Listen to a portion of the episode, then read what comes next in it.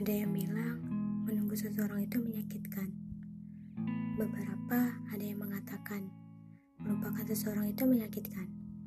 Tapi rasa sakit terburuk adalah ketika kita tidak tahu apakah kita harus menunggu atau melupakan.